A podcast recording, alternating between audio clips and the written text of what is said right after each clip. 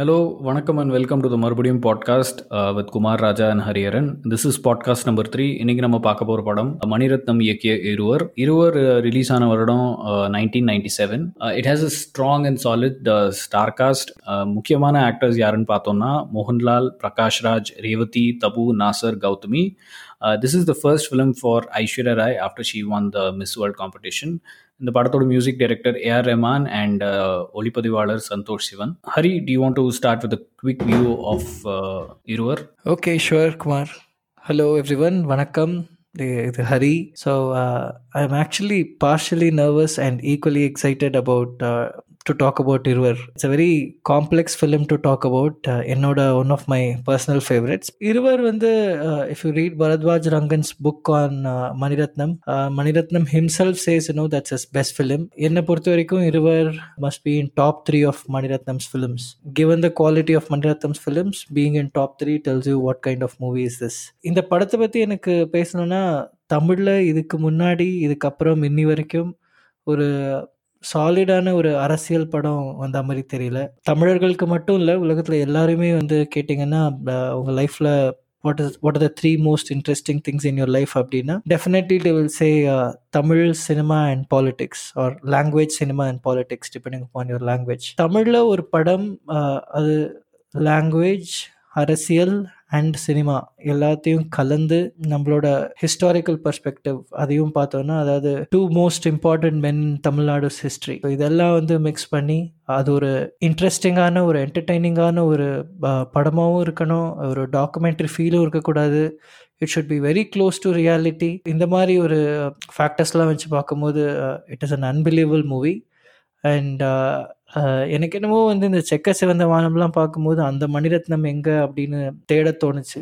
So to sum it up Iruvar is one of my favourite Maniratnam movies there is lots and lots to talk about and I'm looking forward to it இந்த அனாலிசிஸ்க்காக actually Iruvar பார்த்ததுக்கப்புறம் Iruvar is also my favourite Maniratnam movie அதுக்கு முன்னாடி எனக்கு Thalapathi was my favourite Maniratnam movie but now I think இரு எத்தனை இனிமே எத்தனை தடவை தளபதி பார்த்தாலும் எனக்கு வந்து இருவர் தான் கண்டிப்பாக ஃபேவரட் படமாக இருக்கும். ஆல்சோ லைக் யூ சைட் இருவர் வந்து ஒரு அரசியல் uh, மொழி அதுக்கப்புறம் நம்மளோட ஹிஸ்ட்ரி இதெல்லாம் கவர் பண்ணது தவிர there is something else Iruvar has achieve and it is very honest film ரொம்ப ஒரு நேர்மையான படம். இருவர் வந்து ஸ்டார்ட் பண்ணும்போது ஒரு டிஸ்க்ளைமர் போடுறாங்க. இது வந்து உண்மை கதை அல்ல அப்படின்னு. பட் நம்ம எல்லாருக்குமே தெரியும் யார் வந்து எந்த கேரக்டர் அவங்க என்ன பண்ணாங்க? எல்லாமே வந்து நம்ம வந்து சில சில பேர் வந்து படிச்சிருக்கோம். நிறைய பேர் மோஸ்ட்லி நிறைய பேர் அனக்டோட்டலாக வந்து கேட்டிருக்கோம். படங்களை வந்து பார்த்துருக்கோம். இந்த படத்தில் வந்து எனக்கு ரொம்ப பிடிச்ச ஒரு ஃபேக்டர் என்னென்னா அந்த ரெண்டு மெயின் கேரக்டர்ஸ் ஆனந்தன் தமிழ் செல்வன் ரெண்டு பேரில் யாரையுமே வந்து ரொம்ப ஒரு நோபலான ஒரு ஆளாக வந்து காட்டவே இல்லை. ரெண்டு பேரையுமே வந்து ஒரு ஹியூமன் வந்து தான் காமிச்சிருக்காங்க. ஒரு சாதாரண மனுஷன் அவன் வந்து எவ்வளோ ஃபேமஸாக ஆனாலும் இந்த நாட்டில் எவ்வளோ பெரிய ஆளாக இருந்தாலும் அவனுக்குள்ளே இருக்க சாதாரண கேரக்டரிஸ்டிக்ஸ் என்ன? அவனுக்கு வந்து பொறாமை இருக்குது அவனுக்கு வந்து அன்பு இருக்குது பாசம் இருக்குது காதல் இருக்குது காமம் இருக்குது இது எல்லாத்தையுமே வந்து ரொம்ப நார்மலாக வந்து காமிச்சு அந்த கேரக்டர்ஸ் யாரையுமே ஜட்ஜ் பண்ணாமல் வந்து பொட்ரே பண்ணியிருக்காங்க இந்த படத்தில். That is something that I loved about this movie அதுக்கான ஒரு சின்ன எக்ஸாம்பிள் வந்து இந்த படத்தோட ஒன் ஆஃப் த ஃபர்ஸ்ட் சீன்ஸில் இருக்குது ஆனந்தனும் தமிழ் செல்வனும் ஃபர்ஸ்ட் டைம் வந்து ஸ்டுடியோவில் மீட் பண்ணுறாங்க அப்போ வந்து ஆனந்தன் வந்து தமிழ் செல்வன் வந்து கேட்குறாரு நீங்கள் வந்து என் படத்துக்காக வசனம் எழுதணும்.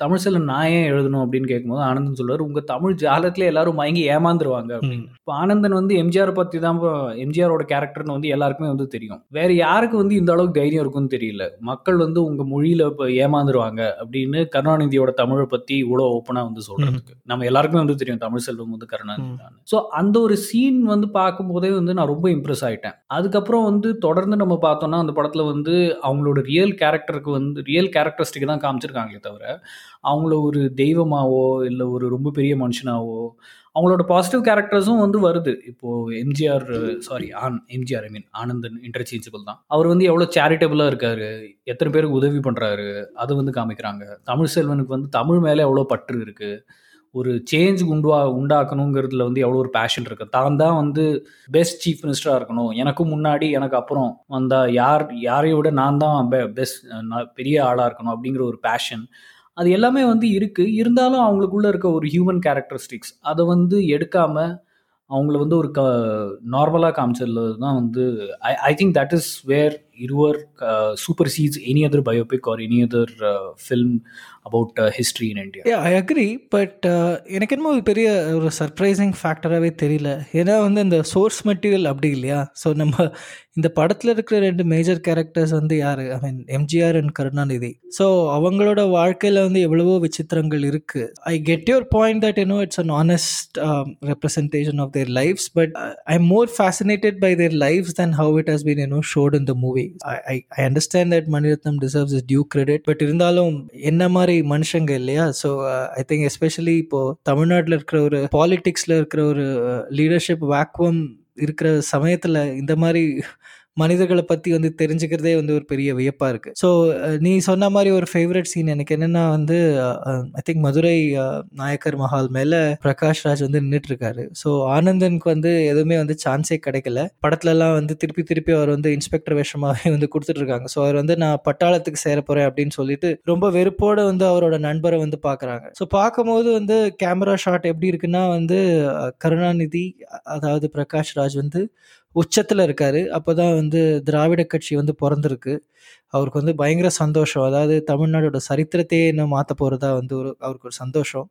ஆனால் இங்கே வந்து பார்த்தீங்கன்னா மோகன்லால் இல்லைன்னா எம்ஜிஆர் வந்து ரொம்ப ஒரு அவரோட பர்சனல் லைஃப்பில் ரொம்ப ஒரு லோ பாயிண்டில் இருக்கார். So he's down on the floor so camera angles வந்து மாறி மாறி வரும் மேலேயும் கீழேயும். ஸோ அப்போ வந்து அவர் சோகத்தை கொட்டும் போது பிரகாஷ் ராஜ் பேசுகிற ஒரு வசனம் வந்து எனக்கு ரொம்ப வந்து இம்பாக்ட்ஃபுல்லாக இருந்தது. அவர் ரெண்டு கையை தூக்கிக்கிட்டு இந்த கையில் தமிழக சினிமா இந்த கையில் தமிழக அரசியல். வா எல்லாமே உனக்கு தான். வா எடுத்துக்கலாம் அப்படின்னு சொல்கிறாரு அதாவது எனக்கு என்ன தோணுச்சுன்னா எப்படி வந்து இவங்க ரெண்டு பேரும் வந்து of course it might be an exaggeration in hindsight இவங்க இதை எல்லாத்தையுமே பிளான் பண்ணி அச்சீவ் பண்ணதாக வந்து மணிரத்னம் காமிச்சிருக்கலாம். பட் இருந்தாலுமே வந்து they truly believe that uh, both Tamil cinema and uh, Tamil Nadu politics was for the taking if they truly believed in that அவங்க கொஞ்சம் கொஞ்சமாக அந்த இலக்கை நோக்கி அவங்க வந்து வேலை செஞ்சு பின்னாடி வந்து the heights they achieved it is unbelievables in fact வந்து அவங்களோட லைஃப் கெரியர் அவங்க தனியாக வந்து அதை மட்டும் பார்த்தாலே வந்து it's a grand success but when you actually realise that இன்னும் அவங்க ரெண்டு பேரும் they were working together towards இன்னும் like this goal of ruling Tamil Nadu cinema and politics, and they actually made it as something very, very inspirational. And again, uh, சொன்ன மாதிரி it's a very biopic. Biopic definitely but source material is so rich so இவங்களோட வாழ்க்கைகள் வந்து இவ்வளோ இன்ட்ரெஸ்டிங்காக இருக்கிறதுனால தான் வந்து சீன்ஸும் வந்து இவ்வளோ இன்ட்ரெஸ்டிங்காக இருக்குன்னு எனக்கு பட்டுது ஆப்வியஸ்லி இதில் வந்து ஒரே ஒரு பாயிண்ட் மட்டும் நான் கிளாரிஃபை பண்ணிவிட்டு அடுத்த விஷயத்துக்கு வந்து நம்ம போகலாம் சோர்ஸ் மெட்டீரியல் வந்து கண்டிப்பாக இருக்குது ஆனால் அது தைரியமாக ஸ்க்ரீனில் கொண்டு வரது தான் எனக்கு தெரிஞ்சு மணிரத்னமோட biggest achieve moving on see இந்த ஜேர்னியை வந்து ஆக்சுவலி ரொம்ப ஃபேசினேட்டிங்காக இருக்குல்ல நீ சொன்ன மாதிரி. ஆனந்தன் வந்து சினிமாவில் வந்து பெருசாக அச்சீவ் பண்ணணுங்கிற ஒரு குறிக்கோளோட வந்து இருக்காரு. அதுக்காக ரொம்ப வருஷமாக வந்து ட்ரெயின் பண்ணியிருக்காரு தமிழ் செல்வன் வந்து அரசியலை வந்து தமிழ்நாட்டில் மாற்றணும் இவங்க ரெண்டு பேருமே இந்த தனித்தனி பாதையில் இருக்காங்க. பட் இது வந்து when it starts intersecting is when things start getting interesting இப்போ வந்து ஒரு வேலைக்காக தான் வந்து தமிழ் செல்வன் வந்து I mean for job is what he takes to writing in cinema இல்லைனா வந்து ஆனந்தன் சொல்கிற மாதிரி அவருக்கு வந்து அரசியல் பண்ணுறதுக்கு நேரம் இருக்குது வீட்டில் சாப்பாடு போடுறதுக்கு அப்பா இருக்கார்.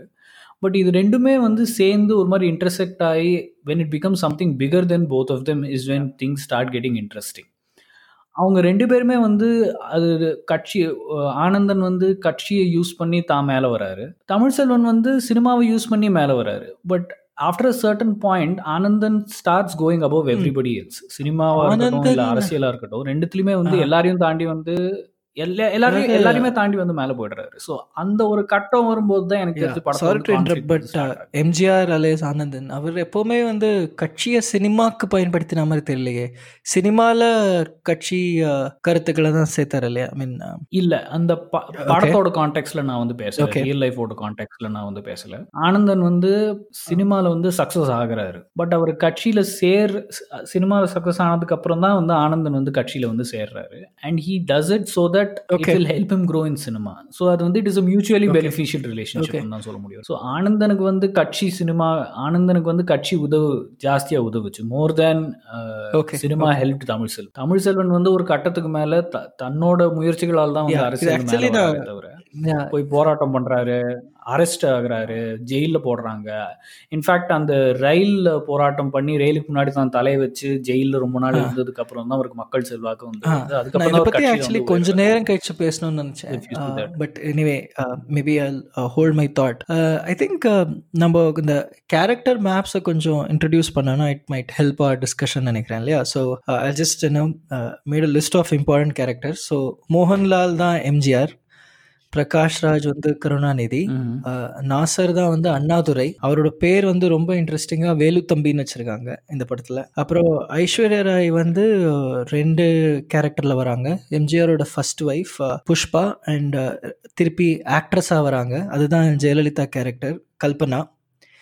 அப்புறமா வந்து ரேவதி வந்து தயாளு அம்மாள் அண்ட் இந்த படத்தில் வந்து ஒரு ஃபோன் சீனில் வந்து ரெண்டு டீனேஜ் பாய்ஸ் வந்து ரேவதி பின்னாடி இருப்பாங்க. ஸோ அதுதான் அழகிரி ஸ்டாலின் நான் நினைக்கிறேன்.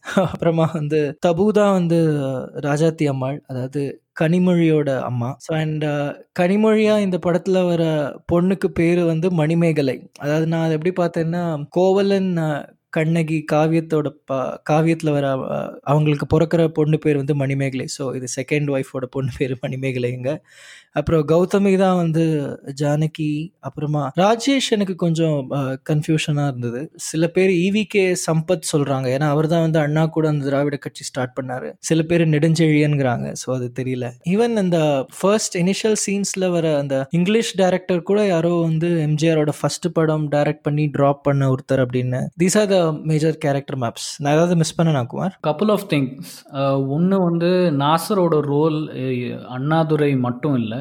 அட்லீஸ்ட் என்னோட ரீடிங் வந்து என்னன்னா நாசர் வந்து அண்ணாதுரை அண்ட். பெரியாரோட ஒரு மிக்ஸ் அவர் ப்ளே பண்ண ரோல் வந்து அண்ணாதுரைக்கு ரொம்ப பேரலாக இருக்கு. பட் அவருக்கு அவரோட விஷுவல் லுக் பார்த்தோன்னா அந்த முடி அந்த கண்ணாடி அது வந்து it matches Periyar lot Rajesh play பண்ற கேரக்டர் அதாவது ஐ திங்க் அவர் பேர் படத்துல வந்து Pulavar Mathivanan. I think it is a mix of two three characters most likely நீ சொன்ன மாதிரி இவி கே சம்பத் அதுக்கப்புறம் Nedunchezhiyan. It is also possibly அன்பழகனை கூட இன்க்ளூட் அந்த லுக் அவரோட லுக். பேஸ் பண்ணது வந்து கிட்டத்தட்ட எக்ஸாக்ட்லி அதுதான் என்னோட ரீடிங் அந்த ஒயிட் டைரக்டர் அந்த வெள்ளைக்கார டைரக்டர் வந்து it is most likely Ellis R Dungan he was a very famous director அந்த டைம்ல so anyway Ellis R Dungan தான் அந்த character and on that line நம்ம கண்டிப்பாக காஸ்டிங்கை பற்றி பார்க்கணும் இல்லையா? So Maniratnam in some interview says performance is guaranteed fifty percent when you have the right actors cast so I think இந்த படத்துலையும் வந்து what an array of actors இல்லையா? ஸோ இந்த மாதிரி ஒரு பர்ஃபார்மிங் காஸ்ட் இனிமே வந்து கிடைக்குமான்னு தெரியல. இப்போ ரீசெண்டாக வந்து செக்க சிவந்த வானம் கூட நான் பார்த்தேன். அதாவது இட்ஸ் அகெயின் ஒரு assembly of star cast but ஆனால் இந்த ஸ்டாண்டர்டே வேற லெவலில் இருந்தது இல்லையா? வாட் யூ திங்க் இந்த மாதிரி ஒரு படம் ஆக்சுவலி எடுக்கணும்னா இப்படி ஒரு ஸ்டார் காஸ்ட் இருந்தால் தான் எடுத்திருக்க முடியும். டாப் த்ரீ ஃபோர் கேரக்டர்ஸ் மட்டும் இல்லாமல் எல்லாருமே வந்து கன்வின்சிங்காக இருக்கணும்னா இந்த star cast has to be. Extremely solid and இந்த படத்தோட ஸ்டார் காஸ்ட் நம்ம வந்து கொஞ்சம் அனலைஸ் பண்ணோம்னா ரொம்ப சின்ன ரோல்ல வர ஒரு மேஜர் சவுந்தரராஜன் இல்ல அவரோட பையன் ஐ திங்க் கௌதம் நாலு scene தான் வரான்னு நினைக்கிறேன். அவங்களே வந்து ரொம்ப எக்ஸ்பீரியன்ஸ் ஸோ மேஜர் சவுந்தரராஜன் என்ன மேபி ஒரு அஞ்சு நிமிஷம் பத்து. நிமிஷத்துக்கு கீழே தான் இருக்கும் அவரோட ஸ்கிரீன் டைம் நாலு சீன் ஆ எக்ஸாக்ட்லி நாலு சீன்ல தான் வருவாரு. But he such seasoned performer Ah. Right exactly Delhi Ganesh Kaka ராதாகிருஷ்ணன்லாம் அவங்களுக்கு இன்ஃபேக்ட் அவங்களுக்கு இன்னும் கொஞ்சம் எக்ஸ்டெண்டட் ஸ்க்ரீன் டைம் இருக்கு. But they still sell the character அவங்க ரொம்ப ஒரு லிமிட்டட் டைம் பீரியட் இருந்தாலும். அண்ட் ஆல்சோ இவ்வளோ ஒரு பெரிய ஸ்டார் காஸ்ட் எக்ஸ்பீரியன்ஸ்ட் பீப்புள் வந்து கான்ட்ரிபியூட் பண்ணாலும் I think two of the major casting characters cast பண்ணது இட் வாஸ் வெரி இன்ஸ்பயர்டு ஒன்று பிரகாஷ் ராஜ் இன்னொன்று வந்து ஐஸ்வர்யா ராய். இவங்க ஏன்னா இப்போ மற்ற ஆக்டர்ஸோட கம்பேர் பண்ணோம்னா Prakash Raj was still relatively new I think. அவரோட டெபியூ வந்து இட் வாஸ் சம்வாட் இந்த ஏர்லி நைன்டிஸ் அண்ட் எஸ்டாப்ளிஷ் ஆனது around ninety four in fact தமிழில் வந்து ஃபர்ஸ்ட் படம் நடிச்சது நைன்டி ஃபோர் டியூட் இருவரில் வந்து அநேகமாக நைன்டி ஃபைவ் இல்லைனா நைன்டி சிக்ஸில் அவர் புக் பண்ணியிருப்பாங்க so that was I think very inspired casting and Prakash Raj pulled it off அதை விட ரொம்ப இன்ஸ்பயர்ட் காஸ்டிங் வந்து the fact the chose to cast Aishwarya Rai who had no experience அவங்க அப்பதான் miss world ஜெயிச்சிருந்தாங்க. She was sensation all over India இவ்வளோ அழகா ஒரு பொண்ணு யாருமே பார்த்தது இல்லைன்னு எல்லாரும் பேசிட்டு இருந்தாங்க. Uh, and that too to play two different characters yeah, yeah. Uh, புஷ்பாவோட ரோல்ல Aishwarya Rai was still okay I would say அந்த ரோல் ரொம்ப நடிக்கிறதுக்கான ஒரு வேலை இல்லை. பட் கல்பனாவோட ரோல்ல she was she was really amazing body லாங்குவேஜா இருக்கட்டும் அவங்களோட பாடி ஸ்ட்ரக்சரா definitely. இருக்கட்டும் அந்த ஒல்லியா ஒரு சின்ன வயசு Yeah. பொண்ணா இருக்கிறது. பட் அதே நேரத்துல அந்த திமிரு அந்த ஒரு தைரியம் recklessness Yeah, I, I agree completely. Uh, in fact, uh, uh, I think Prakash Raj வந்து in hindsight now we know what a great actor he is. So நீங்கள் சொன்ன மாதிரி அந்த சமயத்தில் இவ்வளோ பெரிய ஒரு பலுவா அவர் மேலே வச்சது வந்து பெரிய விஷயம்தான். அதுவும் வந்து he is not a native Tamil speaker so இவ்வளோ டயலாக் ஹெவி இவ்வளோ செந்தமிழில் நிறைய டயலாக்ஸ் பேசணும். ஐ மீன் லாங் ஃப்ரேசஸ் இருக்குது in fact film ends with monologue from Prakash Raj so அந்த மாதிரி சமயத்தில் அவர் வந்து ஓரளவுக்கு you know almost ninety percent கன்வின்சிங்காக பண்ணது வந்து it is amazing from both Mani Ratnam and Prakash Raj three with you Aishwarya Rai எனக்கு எப்போ வந்து இந்த காஸ்டிங் வந்து இட் வாஸ் ஜீனியஸ் அப்படின்னு தெரிஞ்சதுன்னா uh, ஒரு சீனில் வந்து uh, யங் ஜெயலலிதாவை காட்டுற மாதிரி வர சீனில் வந்து ஒரு புக்கை கையில் வச்சுட்டு அப்படியே நான்சலண்ட்டாக she response to her party so actually ஒரு பிளாக் அண்ட் ஒயிட்டில் have seen one photograph of you know Jayalalithaa holding a book in her hand and you know probably waiting in uh, in the sets for her scene to to be ready. அந்த மாதிரி வந்து பார்க்கும்போது என்னமோ அப்படியே அந்த பார்த்த மாதிரி இருந்தது. ஸோ ஜெயலலிதாவா காஸ்ட் பண்ணுறதுக்கு ப்ராபப்ளி யூனோ அந்த சமயத்தில் மிஸ் வேர்ல்டு வந்து வாஸ் வெரி பர்ஃபெக்ட்னு தோணுச்சு. I am going to go for some right field choices in terms of my liking towards you know the best actors இந்த மூவி எனக்கு வந்து ராஜேஷ் வந்து ரொம்ப பிடிச்சது. அதாவது ஆல்மோஸ்ட் வந்து ஒரு அவர் எப்படின்னா அந்த பேலன்ஸ்ட் கேரக்டர் அது இல்லையா? இவங்களுக்கு வந்து நிறைய ஹை பாயிண்ட்ஸ் இருக்குது இவங்க லைஃப்பில் as well as low points but அவரது வந்து ஒரு மாதிரி ஒரே மாதிரி போயிட்டு இருக்கணும். அவர் வந்து ஒரு அரசியல் பற்றியும் பேசணும். கொஞ்சம் ஜால்ரா அடிக்காத மாதிரியும் இருக்கணும். Number two in either party so I thought அந்த ரோல் வந்து ஹி அப்சல்யூட்லி கில்ட் இட் எனக்கு என்னமோ வந்து the best actor in that movie was definitely Mohanlal so எனக்கு என்னமோ வந்து ஆஃப்டர் சம் டைம் ஐ நான் எம்ஜிஆர் மட்டும்தான் பார்த்துட்டு இருந்தேன். ஸோ எனக்கு மறந்தே போச்சு. அதாவது அவரோட ஹெவி மலையாளம் ஆக்சென்ட் எனக்கு பெருசாக தெரியல. ஏன்னோ அவரோட பல்கி ஃப்ரேம் எனக்கு பெருசாக தெரியல. ஹி வாஸ் அமேசிங்லி கன்வின்சிங் நிறைய இடத்துல வந்து ரொம்ப சட்டிலாக நேச்சுரலாக பர்ஃபார்ம் பண்ணுறதுக்கு ஐ மீன் லாலேட்டனை விட்டால் யாருமே இல்லைன்னு எனக்கு தோணுது. ஸோ இன்ஃபேக்ட் நான் தமிழ் பாப்பநாசம் பார்த்துட்டு மலையாளத்தில் திருஷ்யம் பார்த்தேன். So again I mean there are different schools of acting but இந்த சட்டில் நேச்சுரல் ஆக்டிங்கில் வந்து Mohanlal is unbelievable and I think you know like he just killed it இந்த மூவி எம்ஜிஆரா மோகன்லாலை தவிர வேற யாருமே என்னால் நினச்சி கூட பார்க்க முடியல. யா இந்த படத்தில் வந்து ஃபேவரட் ஆக்டர்னா எனக்கு மோகன்லால் மட்டும்தான். Just like MGR stood above everybody else in real life இந்த படத்தில் மோகன்லாலும் he stands above everybody else in terms of acting எனக்கு வந்து ரெண்டு சீன்ஸ் ரொம்ப ரிமார்க்கபிள் ஒன்று வந்து அந்த எலெக்ஷன் ரிசல்ட்ஸ் அனௌன்ஸ் பண்ணுற நேரத்தில் மோகன்லால் வந்து ரிசல்ட்ஸ் எல்லாம் எல்லாரையும் எல்லாரோடையும் உட்காந்து கேட்டுட்டு இருக்காரு. அந்த நேரத்தில் கல்பனா வந்து அவரை வந்து கன்ஃபர்ன் பண்ணுறாங்க ஏன் வந்து கல்யாணம் பண்ணிக்கிறேன்னு கோயிலுக்கு வர சொல்லிட்டு வரல அப்படின்னு. அந்த சீனில் வந்து டயலாகே கிடையாது மோகன்லாலுக்கு ஐ திங்க் ஒரே ஒரு டயலாக் தான் இருக்குன்னு நினைக்கிறேன். கல்பனா அப்படின்னு சொல்கிறாரு அவ்வளோதான் பட் அந்த மொத்த சீன்லையுமே அவரோட டிஸ்கம்ஃபர்ட் ஒரு குற்ற உணர்ச்சி அதே நேரத்தில் தான் ஜெயிச்சுட்டு இருக்கோன்னு பேக்ரவுண்டில் வர நியூஸ் அதையும் கேட்டுட்டு இருக்கிறது. கடைசியில் வந்து கல்பனாவும் இருக்கா அந்த ரூம்ல அவரோட ஒய்ஃப் ராமனியும் வராங்க. அண்ட் ரெண்டு பேருக்குமே வந்து ஒரு மாதிரி அது அந்த விஷயம் அநேகமா எல்லாருக்குமே வந்து தெரிஞ்சிருக்கும். பட் ஒரு மாதிரி ஓப்பனா வெளியில போட்டு உடச்ச ஒரு சுச்சுவேஷன் அதுல வந்து அந்த கடைசி சீன்ல ஹி ஜஸ்ட் அந்த ஒரு கையில இருக்க கர்ச்சிஃப் அப்படி கீழே போட்டுட்டு சேர்ல இப்படி பின்னாடி சாஞ்சு உட்காந்துடுறாரு I thought that was great he emoted everything purely using his body அந்த ஒரு டிஸ்கம்ஃபர்ட்டை வெறும் பாடி வச்சு காமிச்சது I think that was great scene இன்னொரு சீன் வந்து அந்த மினிஸ்டர் போஸ்ட் கேட்டுட்டு பிரகாஷ் ராஜ் வந்து முடியாதுன்னு சொன்னதுக்கப்புறம் அந்த காரில் போகிறது அந்த காரில் போயிட்டு இருக்கும்போது ஃப்ரண்ட் சீட்டில் உட்காந்துட்டு இருக்காரு. அந்த ஒரு ரொம்ப ஒரு ரொம்ப சின்ன மேனரிசம்ஸ் அந்த லைட்டாக ஒரு இருமருது அப்புறம் வந்து மூக்கு மேலே கையை வைக்கிறது பின்னாடி பேசிட்டு இருக்கிறத வந்து ரொம்ப ஒரு மாதிரி கூர்மையாகவும் கவனிக்கிறாரு பட் அவங்களுக்கு ரொம்ப அட்டென்ஷன் கொடுக்காத மாதிரி உட்காந்துட்டு இருக்கிறது. And at end of it கார்லேருந்து இறங்கி எல்லாரையும் வெளியே போக சொல்றாரு. அந்த சீனில் வந்து both Mohanlal's acting and very small details that Mani Ratnam at given எனக்கு வந்து பிரகாஷ் ராஜ் அவரோட மனைவிகளோட ஸ்பெண்ட் பண்ணுற சீன்ஸ்லாம் வந்து ரொம்ப ஒரு இன்ட்ரெஸ்டிங்காக இருந்தது. ஸோ ஃபார் இன்ஸ்டன்ஸ் அந்த uh, அவருக்கு கல்யாணம் ஆன உடனே அவரோட ஃபர்ஸ்ட் நைட்டில் வந்து ரேவதியோட புடவை வந்து பற்றி எரியும் போது ரேவதி வந்து தலையில் அடிச்சுக்கிறாங்க. என்னது இது? அவசகுணம் அது இதுன்னு. உடனே இவர் வந்து படுக்கை அறையில் பகுத்தறிவு பேசுகிறாரு என்ன இதெல்லாம் வந்து மூடத்தனம்லாம் வச்சுக்காத. பெண்ணே உனது உனது சாய்ஸஸ் முக்கியம் உனது எண்ணங்கள் முக்கியம். நீ என்ன நினைக்கிறேங்கிறது முக்கியம். அந்த மாதிரிலாம் பேசுகிறாரு ஆனால் அவரே தான் சம்மந்தமே இல்லாமல் போய் வந்து ஜாலியாக வந்து இன்னொரு கல்யாணம் பண்ணிக்கிட்டாரா இல்லையான்னு தெரியல வில் கம் டு தட் இங்க வந்து அவரோட மனைவி கிட்ட வந்து அவரோட சாய்ஸஸ மதிக்கணும் அப்படிங்கிற மாரி பேசிட்டு, அவர் கொஞ்சம் கூட கவலையே இல்லாம போய் வந்து அ இன்னொரு பெண்ணோட வந்து உறவு கொள்றாரு. அ இன்ஃபேக்ட் இது வந்து மணிரத்னம் டெலிபரேட்டாக இதை வச்சிருக்காரா என்னன்னு தெரியல. ஏன்னா ரியல் லைஃப்லேயும் அதே தான் நடந்திருக்கு. ஸோ இந்த ரெண்டு சீன்லேயுமே சரி, அதாவது ரேவதி கிட்ட பேசும்போதும் கூட பிரகாஷ் ராஜ் வந்து உண்மையாக தான் பேசுகிறாரு அங்கேயும் லவ் இருக்குது தபு கிட்ட வந்து ஒரு மயக்கத்தில் கிறக்கத்தில் வந்து பேசும்போதும் அங்கேயும் வந்து இன்னும் பிரகாஷ் ராஜ் தெரிகிறாரு ஸோ அந்த ரெண்டு சீன்ஸுமே எனக்கு ரொம்ப பிடிச்சது ஸோ அப்போ ஒரு சின்ன ஸ்டட்டர் தான். அந்த நியூஸ் கேட்ட உடனே. அது தாங்க முடியாது. பட் அவரோட வலி வந்து யூ கேன் ஃபீல்.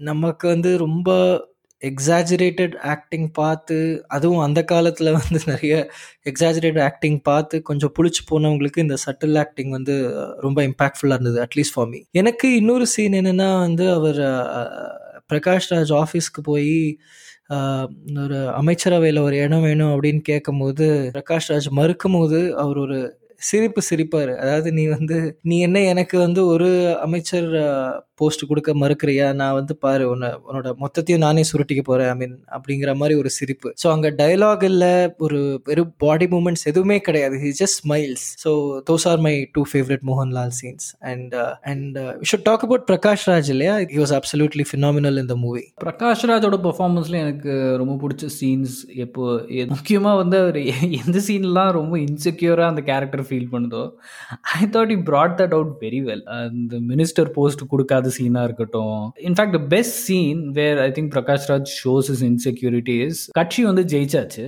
யார் வந்து சிஎம் அப்படின்னு முடிவு பண்ணும்போது, வேலு தம்பி வந்து ஆனந்தன் கிட்டேயும் தமிழ்வாணன் கிட்டயும் என்னோட தம்பிகள் வந்து புத்திசாலிகள். நீங்கள் ரெண்டு பேர் மு நீங்கள் முடிவு பண்ணுங்க யார் வந்து முதலமைச்சர் ஆகணும். அது வந்து கே ஒரு இம்ப்ளிசிட்டாக வந்து சொல்கிறது ஒன்று தமிழ்வாணனாக இருக்கட்டும், இல்லைனா நீ வந்து இரு அப்படிங்கிறது. பட் அந்த ஒரு டைமில் ஆனந்தனுக்கு வந்து ஒரு சிஎம் ஆகிறதுக்கான இன்க்ளினேஷனே கிடையாது. ஆனால் தமிழ் செல்வனுக்கு முழுக்க முழுக்க அந்த ஆசை தான். ஆனந்தன் வந்து என்ன விஷயம் அப்படின்னு கேட்கும்போது, தமிழ் செல்வன் வந்து அதாவது தமிழ்வாணனும், தமிழ் ஆனந்தனும் பேசுறது வந்து தமிழ் செ தமிழ்செல்வன் பார்த்துட்டு ஒரு தூரத்திலேயே நின்னுடுறாரு. ம். உள்ளுக்குள்ள அவருக்கு ஒரு பயம் வருது. ஐயய்யோ! இவங்க 2 பேர்ல யாராவது ஒருத்தர் வந்து ஆயிட போறாங்களோ! நம்மளுக்கு வந்து இந்த சான்ஸ் வராது. இப்போ வரலன்னா அதுக்கப்புறம் எப்பவுமே வராது அப்படிங்கிற மாரி ஒரு ஃபீல். ஆனந்தன் வந்து கேட்கும்போது ஓப்பனா சொல்லல அவரு வந்து. நான் வந்து சிஎம் ஆகணும்னு வந்து விரும்புறேன் அப்படிங்கிறது. விட்டுட்டு சில பேர் வந்து தமிழ்வாணன நீக்க சொல்றாங்க. சில பேர் வந்து என்ன நீக்க சொல்றாங்க அப்படி. அப்போ வந்து Mohanlal a and this another scene where Mohanlal does a great job. And ரொம்ப கேஷுவலா வந்து சொல்றாரு. நீ நிக்க. என்கிட்ட விட்டுரு. அவர விட்டுரு. நான் பார்த்துக்கிறேன் அப்படின்ட்டு ரொம்ப கேஷுவலா சொல்லிட்டு போயிடுறாரு. That is display of his 2 things. One is confidence in his friend. Trust in his friend. In fact third thing is trust in his own power. அவர விட்டுரு நான் பார்த்துக்கிறேன் அப்படிங்கிற மாரி. ரொம்ப கேஷுவலா சொல்லிட்டு and he does it. And real லைஃப்லயும் அதான் வந்து நடந்தது. I don't think Karunanidhi was ever immediate at least அந்த அண்ணாதுரை இறந்த டைம்ல கருணாநிதி வந்து I don't think was first in line for the CM post. எம்ஜிஆரோட influence use பண்ணி தான் அவர் அப்போ சிஎம் ஆனார் எனக்கும் நீ சொன்ன சீன் தான் ரொம்ப பிடிச்சது அந்த இன்செக்யூரிட்டிஸ் காட்டுற சீன்லாம் இருக்கு இல்லையா? அது ரொம்ப பிடிச்சது அதே மாதிரி பின்னாடி வந்து ஒரு சீன் வருது. அதாவது அவங்கெல்லாம் வந்து ஒரு கல்யாணம் அட்டன் பண்ணுறாங்க அது வந்து ராஜேஷ் தலைமையில் நடக்குது. ஸோ இந்த ரெண்டு ஃப்ரெண்ட்ஸும் வந்து பக்கத்து பக்கத்தில் உட்காந்துக்கிறாங்க. அகெயின் இது அதே மண்டபம். நான் முன்னாடி சொன்ன அதே மண்டபம்ல தான் நடக்குது. வேற பிரகாஷ் ராஜ் மேலே இருந்தார் இப்போ வந்து எம்ஜிஆர் கீழே இருந்தார் இல்லையா? இப்போ வந்து என்ன ஆகுதுன்னா ரெண்டு பேரும் ஆல்மோஸ்ட் சரிசமமா இருக்காங்க. ஸோ அப்போ வந்து அவங்க ரெண்டு பேரும் நினச்சிக்கிறாங்க அவங்க ரெண்டு பேர் முகத்துல நிறைய விஷயங்கள் வந்து தெரியுது நம்மளுக்கு. ஓ ஃபர்ஸ்ட் ஆஃப் ஆல் வந்து மேடை நாகரிகம் இருக்கு அவங்க ரெண்டு பேருக்குள்ள. அதாவது தழுவிக்கிறாங்க, கை கொடுத்துக்கிறாங்க அது உண்மையா இல்லையாங்கிற அளவுக்கு வந்து அவங்க வந்து பண்றாங்க. ரெண்டாவது அவங்க கடந்து கடந்து வந்த வாழ்க்கையை வந்து அவங்க அசை போட்டு பார்க்குறாங்க. ஸோ ரெண்டு பேருமே ஜஸ்ட் ஒரு கேஷுவலா மேலே பார்த்துட்டு, "நீ எப்படி இருந்த தெரியுமா? இப்போ எப்படி ஆயிட்ட தெரியுமா?" அப்படிங்கிற மாதிரி ஒரு பிரகாஷ் ராஜ் ஒரு லுக் கொடுக்குறாரு ஸோ அந்த சீன்லயும் வந்து I thought he was amazing. படத்தோட மியூசிக் பற்றி உங்களோட கருத்து? So it's a very interesting album. அதாவது ஏ.ஆர். ரஹ்மானோட ஒரு வெறித்தனமான ஒரு ஃபேனாக இருந்த காலம் அது. நான் மட்டும் இல்லை எல்லாருமே. ஸோ இதுக்கு முன்னாடி வந்த ஆல்பமாக இருக்கட்டும், இதுக்கப்புறம் வந்த ஆல்பமாக இருக்கட்டும், they were all you celebrated like crazy but sound ட்ராக்காக மட்டும் கேட்டோன்னா மேபி சில பேருக்கு வந்து இது பிடிக்காம இருந்திருக்கலாம். இன்ஃபேக்ட் சில பேருக்கு வெறுப்பு கூட வந்திருக்கலாம். ஏன்னா 1, 2 பாடல்கள் வந்து சுச்சுவேஷனுக்காக ரொம்ப பொருத்தமான பாடல்களாக இருந்தது. எஸ்பெஷலி அந்த கௌதமியும், மோகன்லாலும் வந்து பாடுற ஒரு சினிமாவில் வர பிசுசிலா சாங் மாதிரியே இருந்தது இல்லையா? அதுவாக இருக்கட்டும். இல்லை அந்த முதல்ல வர ஒரு ஏன்னோ ஃபஸ்ட்டு ஃபஸ்ட்டு மோகன்லால் படத்தில் வர பாடலாக இருக்கட்டும் இல்லையா அந்த ராணியை மீட்டுட்டு வர மாதிரி பாடல்கள் இருக்கட்டும் கொஞ்சம் டிஃப்ரெண்ட்டாக இருந்தது பட் என்னை பொறுத்த வரைக்கும் என்னோட all time favourite AR Rahman சாங்ஸில் definitely கண்ணை கட்டி கொள்ளாதேவும் நறுமுகையவும் இருக்கும். ஸோ அந்த வகையில் வந்து it's it's a very you know weird album all time great songs as well as you know purely situation driven songs which absolutely fits when you see with the movie but sound track on its own நிறைய பேருக்கு maybe ஏன்னோ இம்ப்ரெசிவாக இல்லாமல் இருந்திருக்கலாம். அது என்னோட கருத்து. Yeah, I, uh, I I completely agree. Soundtrack on its own and soundtrack with the film are very different. Uh, but uh, படத்தில் எனக்கு தெரிஞ்சு இன்னும் ஒரு பாட்டு வந்து அவாய்ட் பண்ணியிருக்கலாம் அது வந்து Vennila Vennila. It does not serve any purpose and it does not fit in with it அந்த அந்த படத்தில் வந்து அது ஒரு ஸ்பீட் பிரேக்கராக இருக்கிறது தான் வந்து எனக்கு தோணுச்சு. And that it is at a later stage of the film also கிட்டத்தட்ட ஒரு ந முக்கியமான நிறைய ஈவெண்ட்ஸ் நடக்கிற ஒரு டைமில். So Vennila Vennila was an absolute speed breaker இந்த மூவி கண்டிப்பாக அதை யூஸ் பண்ணாமல் விட்டுருக்கலாம் பூக்கொடியின் புன்னகை பாட்டை பற்றி ஒரு சின்ன கமெண்ட் சொல்லணும். அந்த பாட்டு பாடினது பி சுசீலான்னு நான் நினச்சிட்டு இருந்தேன். But it is an unknown singer call Sandhya JK அது யாருன்னு தெரியல. இன்டர்நெட்டில் சுத்தமாக இன்ஃபர்மேஷனே வந்து கிடையாது. மியூசிக் பற்றி இன்னொரு கமெண்ட் சொல்லணும்னா பேக்ரவுண்ட் மியூசிக் வந்து I think it was amazing in this movie நிறைய I think there are two very popular tracks ஒன்று வந்து கல்பனா தீம் அப்படின்னு ஒரு ட்ராக் இருக்குது அது வந்து ரொம்ப பாப்புலர் இன்னொன்று வந்து ஐ திங்க் பவர் அப்படின்னு ஒரு ட்ராக் இருக்குது அவர் rise to power I think that is also very popular but நான் அப்சர்வ் பண்ண ஒரு விஷயம் வந்து என்னென்னா பிஜிஎம்மை வந்து ஒரு சென்சரை வந்து இந்த படத்தில் ரெண்டு மூணு இடத்துல வந்து யூஸ் பண்ணியிருக்காங்க என்னோட ரீடிங் வந்து என்னென்னா there were some dialogues which the censor board might have as to cut out and அந்த டயலாக்ஸை வந்து ரிமூவ் பண்ணால் சீன்ஸ் வந்து ரொம்ப டிஸ்ஜாயிண்டடாக இருக்குங்கிற ஒரு காரணத்தினால வெறும் பேக்ரவுண்ட் மியூசிக் யூஸ் பண்ணி அதை ஒரு ஃபில்லராக யூஸ் பண்ணி க்ளோஸ் பண்ணியிருக்காங்க. மூணு இன்ஸ்டன்சஸ் நான் வந்து கவனித்தேன் ஒன்று வந்து தமிழ்செல்வன் வந்து தன்னோட கட்சியோட கொள்கையை வந்து ஆனந்தனுக்கு எக்ஸ்பிளைன் பண்ணிகிட்டு இருக்கும்போது அதோட ஆரம்பம் வந்து கேட்க முடியுது. பட் அதோட ரெண்டாவது ஹாஃப் அது என்னன்னு வந்து நம்மளுக்கு தெரியல. பேக்ரவுண்ட் மியூசிக் வச்சு கவர் பண்ணிடுறாங்க. ரெண்டாவது சீன் நான் இதை அப்சர்வ் பண்ணது வந்து தமிழ் செல்வனும் செந்தாமரையும் வந்து ஆர்கியூ பண்ணுறாங்க ஏன் ஆனந்தனுக்கு வந்து அமைச்சர் பதவி வந்து கொடுக்கல? ஏன் கொடுக்கணும்? ஏன் கொடுக்கக்கூடாது? அப்படிங்கிறதுல. அதுலேயும் வந்து செகண்ட் ஹாஃப் வந்து பிஜிஎம் வச்சு க்ளோஸ் பண்ணிடுறாங்க. மூணாவது வெரி ஆப்வியஸ் சீன் வேலு தம்பியோட ஃபியூன்ரலில் ஆனந்தன் வந்து கணக்கு வழக்கை பற்றி கேட்கும்போது முதல் ஹாஃப் அதே மாதிரி டயலாக்ஸ் வந்து கேட்க முடியுது. ரெண்டு கடைசியில் கேட்க முடியுது. பட் நடுவில் என்ன வருதுங்கிறது வந்து பிஜிஎம் வச்சு மூடிடுறாங்க. அது என்னால் லிப்ரீடும் பண்ண முடியல. So is not able to read the dialogues if anybody is listening in அவங்களுக்கு அதை பற்றி ஏதாவது ஒருவேளை அவங்களால லிப்ரீட் பண்ண முடிஞ்சு அது என்ன டயலாக்னு சொல்லி கமெண்ட் பண்ணாங்கன்னா I think that will be very helpful அதே பிஜிஎம்ல there is another one small track that I really love இது வந்து இருவர் பிஜிஎம்னு தேடினா எங்கேயுமே வந்து இல்லை. They not included this part I just played for 30 seconds